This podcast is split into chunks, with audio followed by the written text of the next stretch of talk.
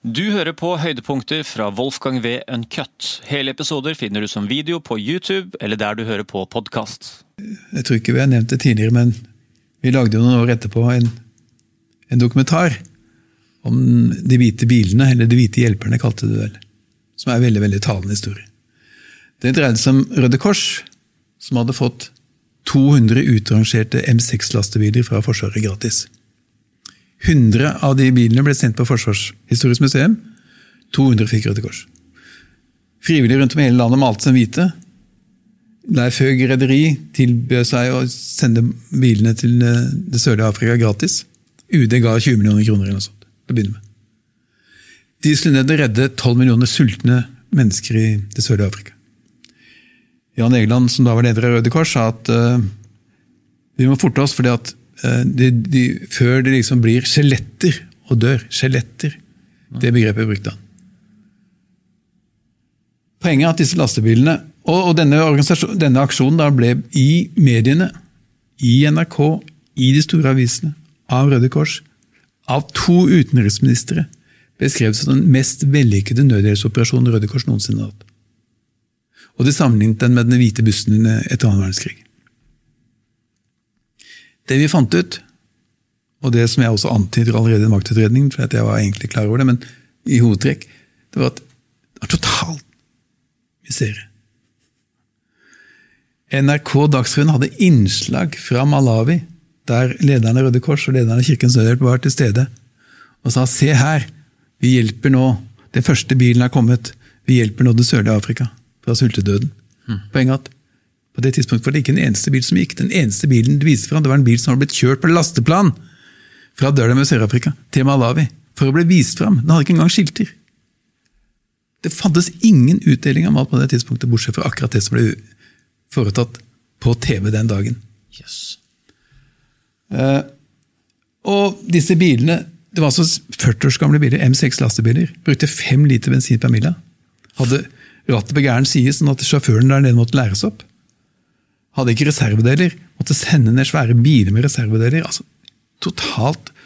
Og det konkurrerte jo ut den lokale lastebilflåten. altså All nødhjelpsstrategi, all tenkning i FN går jo på at du skal satse på lokale krefter der det finnes. Mm. Og er det noe som finnes i det sørlige Afrika, så er det transportbyråer med moderne lastebiler. Men isteden sendte Norge, støttet av UD, og Røde Kors, støttet av hele norske offentligheten, 40 år gamle lastebiler.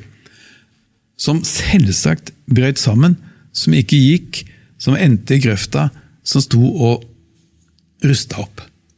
Jeg husker jeg dro til Malawi, hovedstaden i Malawi, snakket med Kirkens Nødhjelps, eh, som også er på denne dokumentaren, representant der, og sa denne bilen, og så viste han meg disse to biler som sto på, på plassen deres. Rustne og jævlig å se på, ikke sant? Mm. They, they are an eyesore in the landscape, sa han. Men vi klarer ikke å flytte dem. De var tunge som beist. Og Kirkens Nødhjelp hadde bare dratt, liksom. Alt dette dokumenterte vi. Den var totalt mislykket. Nesten ikke ropet noen. Aksjonen var dyr, konkurrerte med det lokale systemet, lokale transportsystemet. Eh, var farlig. Mm. Ikke sant? Eh, for Det er ikke lett å kjøre en eh, M6-lastebil hvis du ikke har trening. Da vi kritiserte det, så ble jeg Da vi påpekte dette, jeg skrev en kronikk i Aftenposten og vi lagde en TV-dokumentar for TV 2, så ble jeg beskrevet som den umoralske ved å stille spørsmål ved de gode menneskenes intensjon. Aftenposten hadde på, leder, på førstesiden Jeg hadde en kronikk inne i avisen men det ville Aftenposten først publisere etter at Røde Kors' generalsekretær på forsiden kunne si at 'jeg tar feil'.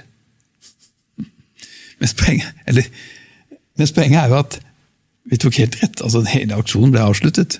UD måtte betale penger til organisasjonene for at bilene skulle, skulle hentes hjem.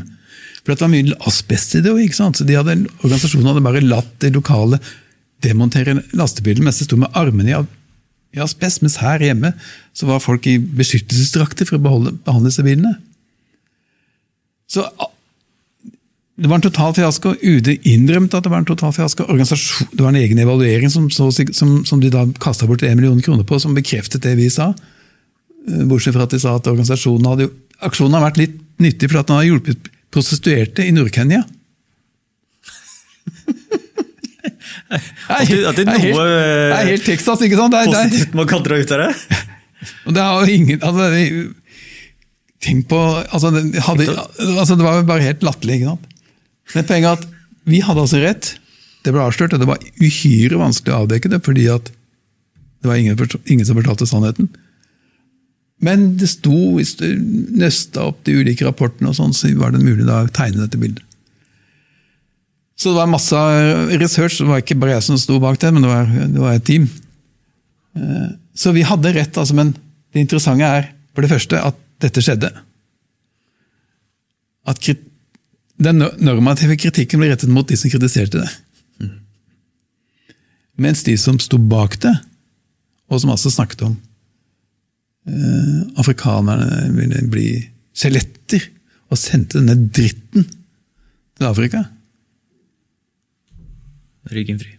Ryggen fri. For at det var dritt. Altså, M6-lastebiler kan være nyttige, de kan være fine, de kan brukes i mange sammenhenger. de. Men å sende de til det sørlige Afrika for å redde folk fra sultedøden, vil bli stående som en av de mest tåpelige og offensiv Hva heter det? Altså um,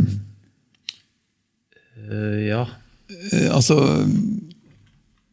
frekk Eller hva skal jeg si? altså Sårende handlingene overfor mm. afrikanere, etter min mening. Støtende.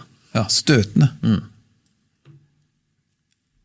Hvorfor sender dere Send oss nye lastebiler, da, for søren, hvis dere skal sende noe. Mm. Det er en helt utrolig historie. Ja. Uh, det første, eller En av de første tingene jeg tenker etter å ha hørt historien, er sånn er det toppen av isfjellet? Altså, det man hører om og avdekker, er selvfølgelig altså, Er det en tiendedel, er det en tjuendedel av, av, av, virkeligheten? Ofte jeg tenker sånn Av sånne ting som blir dokumentert av en sånn som deg, som går så nøye tilbake og, og kikker i kortene og ser hva som har hendt, og, og, og, avdekker det hele. Hvor mange ganger er det ikke blitt gjort av, i, i, lignende aksjoner og tilfeller? Jeg det, så jeg får det isfjell-fornemmelsen med en gang. da. Ja, altså jeg hvor, altså, Nå har jeg sett på noen sånne prosjekter. Da, og det er klart at Grunnen til at jeg har sett på det, er kanskje fordi at jeg har vært litt skeptisk i utgangspunktet. Mens det jo sikkert finnes mange prosjekter som Eller jeg vet ikke om det finnes mange, men altså det er ikke nok altså Uansett om man har på en måte ti caser alle denne, mm. så er ikke det nok til å slå fast at bistand som helhet er en fiasko. ikke sant? Mm. Det krever jo en helt annen type undersøkelse. Men det som jo denne studien av maktforhold innenfor dette politikkfeltet peker på, det er at måten det er organisert på, og måten det har skapt et slags nasjonalt godhetsregime på, det på det tidspunktet skapte, det forhindret jo denne type kritiske gjennomganger av hva som faktisk skjedde. Og det forhindret at folk som var med i systemet, en del av systemet, og som så det, ikke sa noe. Fordi at hvem ville det rammet? Bare dem selv. Mm. Så det er klart at her har det vært en innforståtthet, en slags Jeg sier det ikke om deg, og da sier ikke du det om meg. Altså, alle disse typer inside aiding da, i forskjellige variasjoner mm. har vært et trekk ved feltet. Så jeg tror at det er mange tilsvarende historier, men det finnes sikkert også mange historier som viser det motsatte. Og Den usikkerheten må vi bare leve med, fordi at ingen har undersøkt det. Men at det er mer enn det folk tror, det kan det ikke være tvil om. Ja, Det, det, det tror jeg òg. Altså fordi at dette var jo som sagt, Den ble framstilt som den mest vellykkede. Ikke sant? Hvor, det, hvor Da har det Altså, hvordan er det mulig? Ja, hvordan, hvordan, greier man å konkludere med det? Enten så trodde man det. Eller blitt feilinformert? Eller man, nei, de visste jo hva som foregikk. Eller man håpte at de problemene man hadde, bare var midlertidige. man så bort ifra øh, kritikk, kanskje.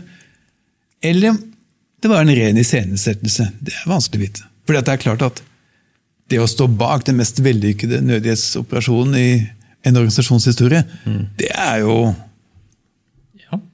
Det er noe å skrive på passet. Det er jo, Og Egeland som gjorde det, han ble jo senere nødhjelpssjef i FN. Mm.